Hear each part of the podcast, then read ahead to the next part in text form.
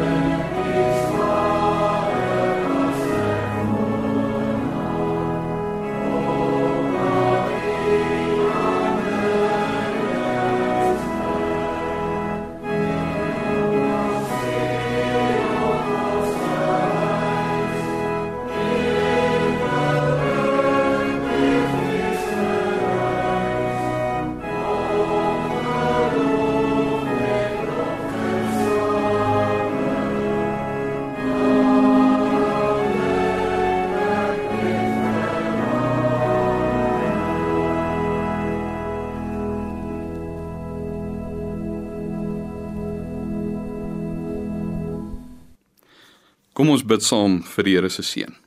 Here, net soos U mense in die stad van Efese behoort ons aan U en glo ons in Jesus Christus.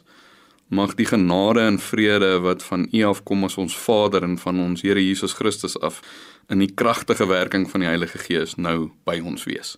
Amen. Kom ons bely vanoggend ons geloof singend saam met mekaar.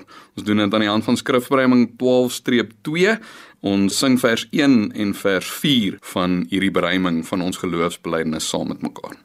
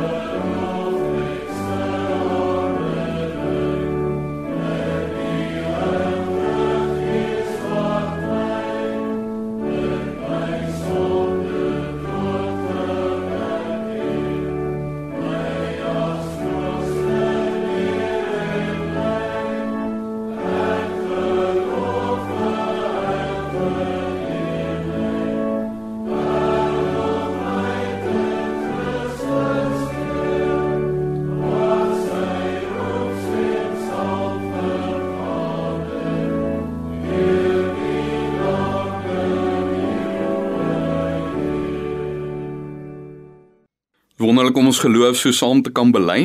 Paulus skryf in Efesiërs 2: Julle is inderdaad uit genade gered deur geloof. En hierdie redding kom nie uit julleself nie. Dit is 'n gawe van God. Dit kom nie deur julle eie verdienste nie en daarom het niemand enige rede om op homself trots te wees nie.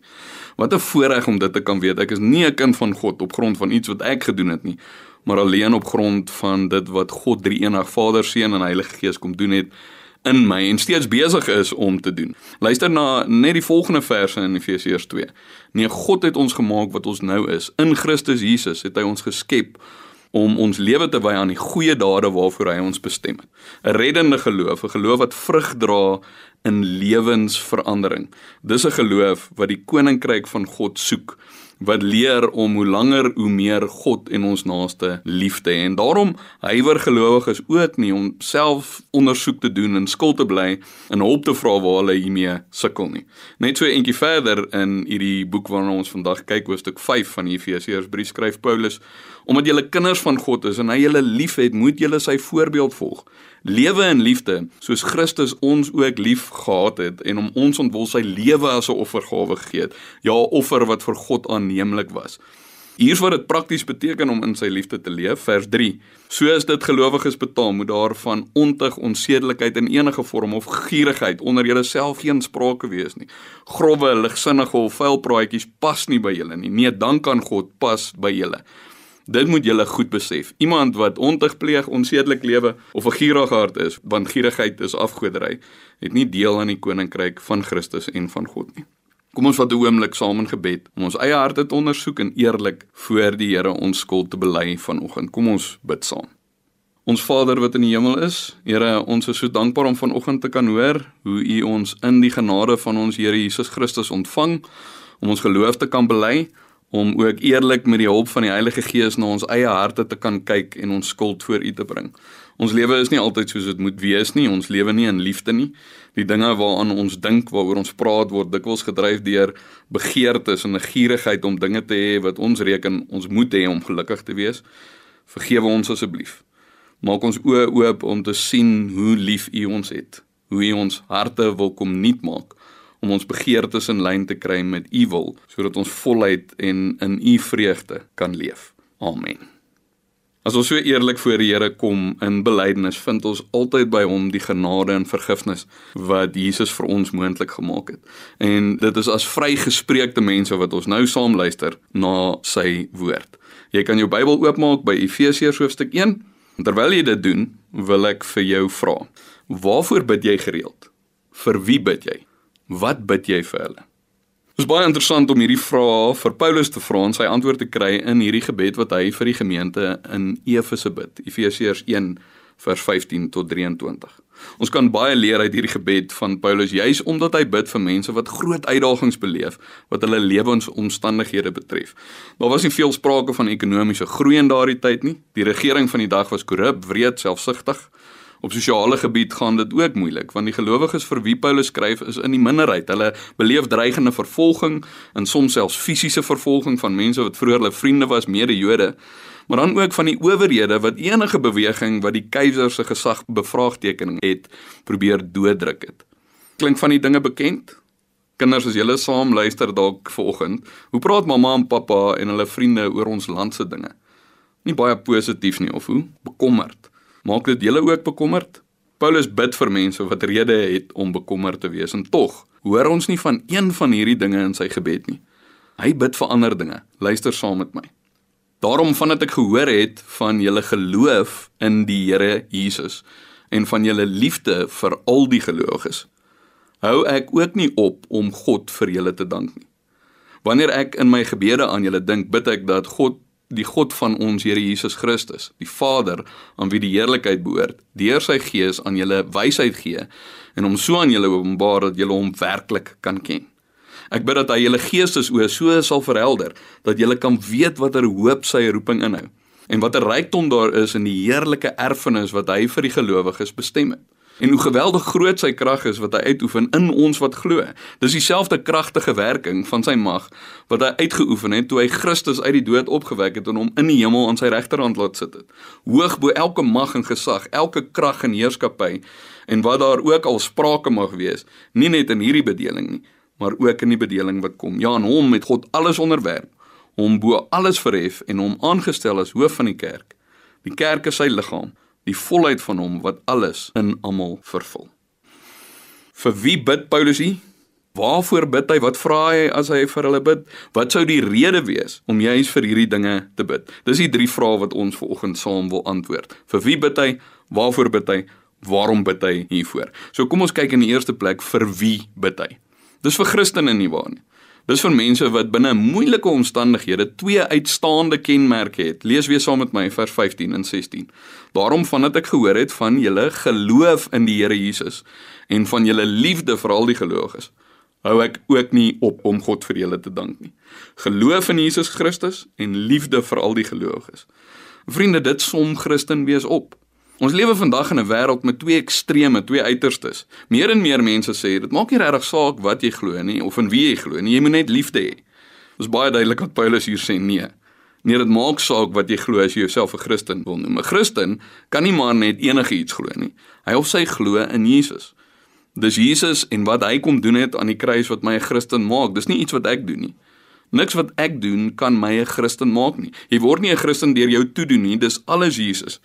En dis ook waarom Paulus hier vir God dankie sê nie waar nie. Hy sê nie o ek is so dankbaar teenoor julle vir julle geloof nie. Nee, ek hou nie op om God vir julle te dank nie, skryf hy vir die Efesiërs.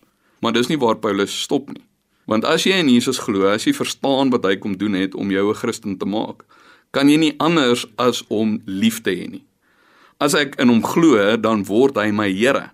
Hy word my koning wat ek volg en om hom te volg beteken om te lewe soos hy gelewe het. En om te lewe soos hy gelewe het beteken dat ek moet lief hê. Waar die wêreld sê dit maak nie saak wat jy glo nie, solank jy net liefde het. Blyk dit uit sommige mense se lewe wat hulle self Christene noem, dat dit nie saak maak of jy liefhet nie, solank jy die regte dinge glo. Solank jy doen soos ons doen, is soos ons is. As jy presies soos ons is en inpas by ons kerk en sy gebruike sal ons jou lief hê, anders is daar nie vir jou plek nie. Paulus skryf hier vir gemeentes wat saamgestel is uit mense van verskillende kulture. En dit het uitdagings meegebring. Verskille, verskillende idees van hoe om dinge in die kerk te doen. Hier's egter wat hulle kenmerk, wat duidelik laat blyk dat hulle Christene is hulle onwankelbare vaste geloof in die Here Jesus Christus wat geleef, gesterf en opgestaan het in hulle plek en hulle liefde vir al die gelowiges, nie net vir die gelowiges van hulle kultuurgroep nie, nie net vir die gelowiges van hulle gemeente nie, nie net vir die gelowiges van hulle denominasie nie, al die gelowiges. En dis Christen wees, 'n vaste geloof, 'n oortuiging dat Jesus Here is, koning van my lewe, van die heelal en dat ek hom volg en gehoorsaam. En daarom is daar 'n groeiende selfopofferende liefde in my hart vir al my medegelowiges. Nou mag ons vanoggend vir mekaar vra, is dit waar van my en jou? Is jy 'n Christen? Want dan sal die res van Paulus se gebed vir jou sin maak en jou baie opgewonde maak want kyk waarvoor bid Paulus vir hierdie Christen. Dit is ons tweede punt. En ons drie dinge. Hier is die eerste van drie gebedsversoeke wat vir ons duidelik maak waarvoor Paulus bid. Vers 18. Ek bid dat hy julle geestesoë so verhelder dat julle kan weet watter hoop sy roeping inhou. Is jy al gekies vir een van jou skool se sportspanne? Dit was 'n lekker gevoel nie waar nie. Maar is daar al 'n keer gewees wat jy nie gekies is nie? Hoe het dit gevoel? Nie lekker nie. Wat veral nie lekker is nie is as jy moet wag vir die uitslag. Het ek goed genoeg gespeel? Is ek beter as die ander? Gaan ek gekies word? Om geroep te word om in God se span te wees, werk nie so nie. Luister wat skryf Paulus vir die gelowiges in Korinte oor hierdie roeping 1 Korintiërs 1 vers 26. Dink maar net broers en susters aan wat julle was toe julle geroep is. Volgens die opvatting van mense was daar nie baie geleerdes of baie invloedrykes of baie mense van aansien onder julle nie. En tog wat vir die wêreld onsin is, het God uitgekies om die geleerdes te beskaam wat vir die wêreld swak is. Het God uitgekies om die sterkes te beskaam wat vir die wêreld sonder aansien of betekenis is. Ja, wat niks is nie. Het God uitgekies om wat iets is tot nie te maak. Voor God het geen mens dus iets om op te roem nie. Hoor jy dit? Hoe het hierdie mense vir wie Paulus skryf in God se span gekom? Was hulle vreeslik slim, belangrik, die beste mense wat daar was? Nee, die teendeel is waar. Hulle het dit nie verdien nie. Dis genade. God se kies werk anders. En dis die hoop van God se roeping. As my pad met God begin by my, dan kan dit mos môre weer by my ophou. My plek in die sportspan is onseker want môre gebeur daar iets wat my nie meer so goed maak soos ek was nie. My plek in God se span is egter seker want ek is in en deur sy genade deel van sy span. Hy kies my ten spyte van die feit dat ek dit nie verdien nie. Hy begin 'n verhouding met my. Hy roep my na hom toe en al wat ek hoef te doen is om te sê ja, hier is ek, Here.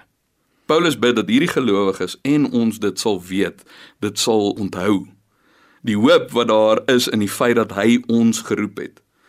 Maar dis nie alwaarvoor hy bid nie. Hy bid ook dat hierdie gelowiges sal weet watter rykdom daar is in die heerlike erfenis wat hy vir die gelowiges bestem het. Vers 18 se tweede deel. Nou dis een manier om hierdie vers te vertaal. Ons het 'n heerlike erfenis, alles behoort aan die Here en as ons eendag by hom is, gaan ons deel hê in alles wat aan hom behoort. Daar is egter nog 'n manier om hierdie vers te vertaal wat ek dink Paulus se bedoeling hier beter weergee. Paulus sê ek bid dat julle kan weet wat die rykdom van die heerlikheid van sy erfdeel onder of in die heiliges, in die gelowiges is. Dit kan moeilik klink, maar hier's wat Paulus sê. Ek bid nie net dat julle sal weet wat die hoop van God se roeping is nie, maar dat julle ook sal weet en sal besef dat julle God se erfdeel of kosbaarste besitting is. Dink saam met my. Jy word uitgenooi na meneer Anton Rupert of Patrice Motsepe se verjaarsdag toe van die rykste manne in Suid-Afrika. Wat koop jy vir hom as 'n verjaarsdag geskenk? Wat kan jy koop wat hom sal laat sê dis my kosbaarste besitting? Dit sal moeilik wees nie nie. Wat gee jy vir iemand wat wêrelds gesproke alles het wat hom sal laat sê van nou of is hierdie my grootste skat? Nou hoeveel te meer sou dit nie waar wees van God nie. Alles is syne. Daar's niks wat hy nie het nie. En weet jy wat sien hy as sy erfdeel, sy kosbaarste besitting? Dis ons, is ek en jy. Hy het selfs sy eie seun Jesus nie gespaar nie, maar hom oorgelewer om in my en jou plek dood te gaan. Ons is sy erfdeel. Hy het ons gekoop. Paulus vra Here, help hulle om dit te weet, help hulle om dit te onthou. En is nog nie klaar nie. Hier is die derde gebedsversoek. Paulus bid dat ons sal weet hoe geweldig groot sy krag is wat hy uitoefen in ons wat glo. Vriende, in hierdie wêreld is daar geen groter krag as die dood nie. As jy nog jonk is, voel dood gaan ver. Dalk het party van julle al die seer van die dood gevoel aan jou lyf. As iemand naby aan jou doodgaan. Dit lê egter vir ons almal voor nie waar nie en maak nie saak hoe baie krag die karre het waarmee ons ry en hoe groot krag daar is in die vuurpyle wat Elon Musk in die ruimte instuur nie. Ons het nie die vermoë om die dood se krag te troef nie. Maar God het. En hy het dit gebruik om Jesus uit die dood te laat opstaan en daardie krag wat dood kan omkeer in lewe is vir my en jou beskikbaar. Die krag waarvoor Paulus hier bid is baie duidelik vers 19 dieselfde kragtige werking van sy mag wat hy uitgeoefen het toe hy Christus uit die dood opgewek het en hom in die hemel aan sy regterhand laat sit het. God kies om uit genade in my en jou te kom werk. Hy maak ons blinde oë oop, ons dowe ore oop, ons dooie harte lewendig om hom te kan ken, te kan sien, te kan voel. Sy krag is beskikbaar binne in my en jou. Dit werk rondom ons sodat niks ons uit sy hande kan ruk nie. Dit werk binne in ons om ons meer soos Jesus te maak. God se wil is aan die geskied in hierdie wêreld waar dinge so de mekaar lyk en niks kan sy wil stop nie. Hierdie krag is binne ons in my en jou aan die werk. Paulus bid dat ons hierdie dinge sal weet. Luister hoe begin hy met sy gebed. Wanneer ek in my gebede aan julle dink, bid ek dat die God van ons Here Jesus Christus, die Vader aan wie die heerlikheid behoort, deur sy Gees aan julle wysheid gee en hom so aan julle openbaar dat julle hom werklik kan ken. Ek bid dat hy julle geestesoë so verhelder dat julle kan weet. Dis een ding om te weet ons gaan met die volgende skoolvakansie see toe. Ek weet dit, maar dit is nog ver. Maar wat gebeur as ek so 'n paar weke voor die vakansie skielik besef, dis nog net 10 daggies. Ek tel hulle af. Ek weet dit kom. Ek weet dit nie net met my kop nie. Ek voel dit in my hart, in my lyf. Dis die tipe weet waarvan Paulus hier praat, 'n diep weet. En daarom vra hy Heilige Gees, gee vir hulle insig, wysheid, maak hulle oë oop, hulle geestelike oë om Jesus te kan ken. Want vriende, al drie hierdie dinge waarvoor Paulus bid, die hoop van God se roeping, die feit dat ons God se kosbaarste besitting is, dat sy krag in ons aan die werk is, al drie die waarhede is waarvan ons in en deur ons Here Jesus Christus. Paulus bid dat ons sal weet dat ons Jesus het, dat God hom vir ons gegee het en dat ek daarom seker kan wees oor die hoop van sy roeping en dat ek sy kosbaarste erfdeel is en dat die krag waarmee hy Jesus uit die doop opgewek het binne my werk en tot my beskikking is. En dit bring ons by ons laaste punt. Waarom bid Paulus juis hiervoor? Waarom bid Paulus nie vir 'n beter regering en vir ekonomiese groei en vir beskerming vir hierdie gelowiges nie? Mag ons dan nie daarvoor bid nie? Verseker mag ons. Gee ons vandag ons daaglikse brood. Beskerm ons teen die aanslag van die bose. Ons mag. Paulus weet egter dat gelowiges dit in hierdie wêreld moeilik gaan hê. Hierdie wêreld wat nie vir God wou of wil luister nie, wat in opstand is teen God en sy waarheid, gaan 'n moeilike plek bly om in te leef totdat Jesus weer terugkom om alles nuut te maak. Paulus weet egter dat as hierdie gebed wat hy nou bid verhoor word, dit gelowiges in staat sal stel om in enige omstandighede met vrede en hoop en verwagting te lewe. Kom ons maak dit baie prakties. Paulus weet dat as ek weet dat ek gekies is vir God se span, ek nooit weer niks werd sal voel as ek nie gekies word vir die skool se A of B of C span nie. Paulus weet dat as ek weet ek is in by God, ek nooit weer sal voel my lewe is nie meer die moeite werd nie omdat ek nie in is by die inouens op skool nie. Sal ek hartseer wees as ek nie gekies word vir die span nie, as ek nie deel is van daardie vriendekring nie, verseker, dis sleg. Maar dis nie my alles nie, dis nie my hoop nie. My hoop is in sy roeping. Ek weet ek is in sy span. Dink net hoe vreemd sal dit wees as een van ons Springbok spelers by jou kom, na hy gekies is vir die Wêreldbeker span en sê, "O, oh, ek is so hartseer dat ek nou nie vir my plaaslike klubspan gekies is nie. Ek sien nie meer kans om te lewe nie." Wat gaan jy vir hom sê? Jy gaan sê, "Hey ou, jy's gekies vir die Springbok span. Dis die span van spanne. Hoe's jy nou hartseer hieroor?" Vriende, dis wat Paulus bid vir ons dat ons dit sal weet. Jy's in die koning van die heelal se span. Hy het jou geroep. Paulus bid Heilige Gees wys dit vir hulle. Laat hulle dit sien, dit weet, want as hulle dit weet, sal dit alles verander. Hoe baie keer voel ek en jy nie minderwaardig nie. Dalk voel jy dit op die oomblik minderwaardig, skaam. En ons oplossing is so dikwels as hy net van my kan hou of sy of hulle.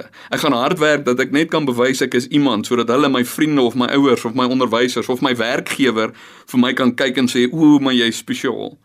Weet julle wat gebeur as ons so leef? As ons leef om deur mense raak gesien te word, dit maak ons moeg, dit maak ons opklaar, gespanne.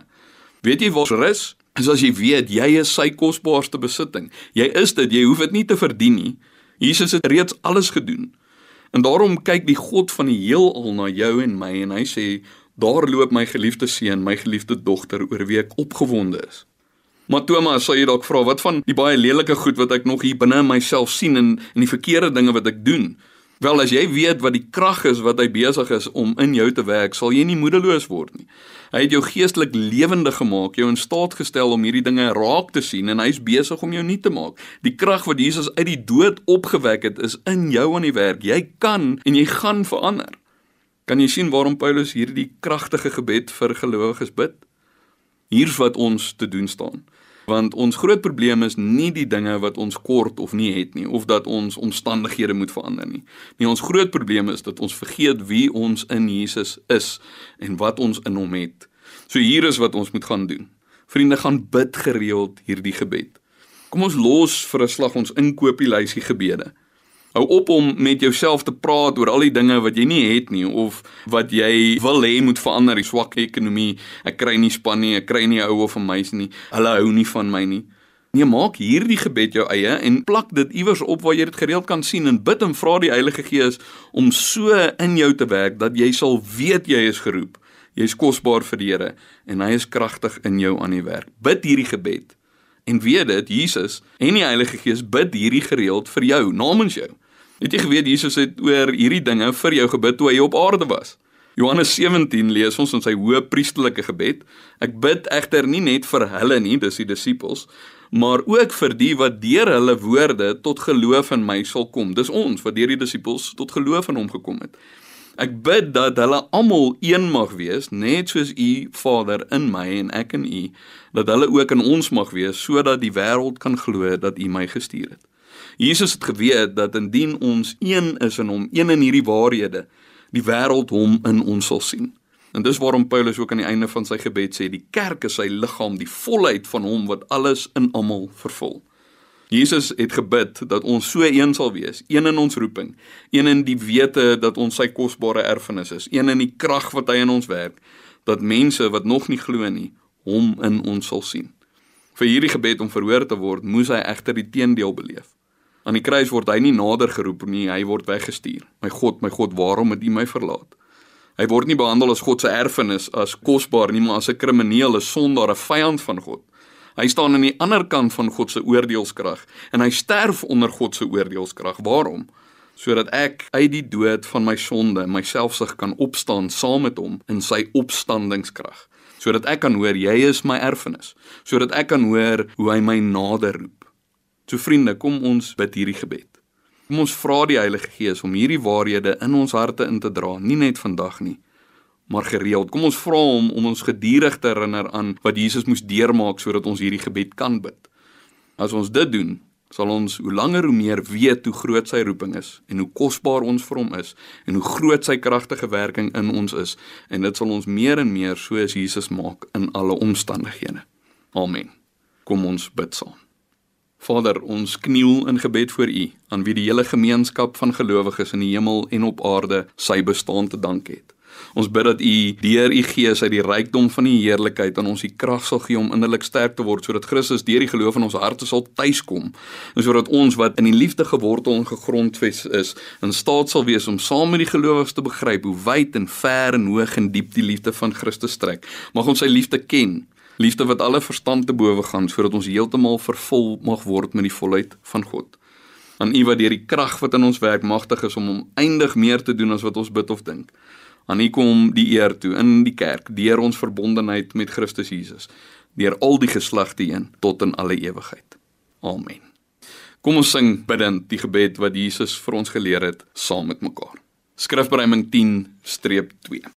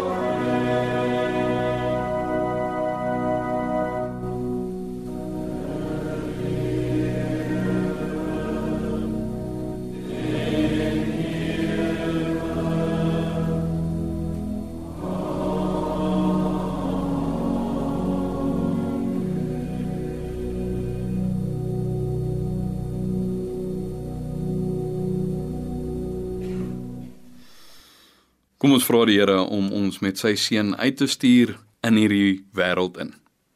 Luister na ons gebed, Vader, Seun, Heilige Gees. Mag die genade van ons Here Jesus Christus en die liefde van God ons Vader en die gemeenskap van die Heilige Gees by ons almal wees. Amen.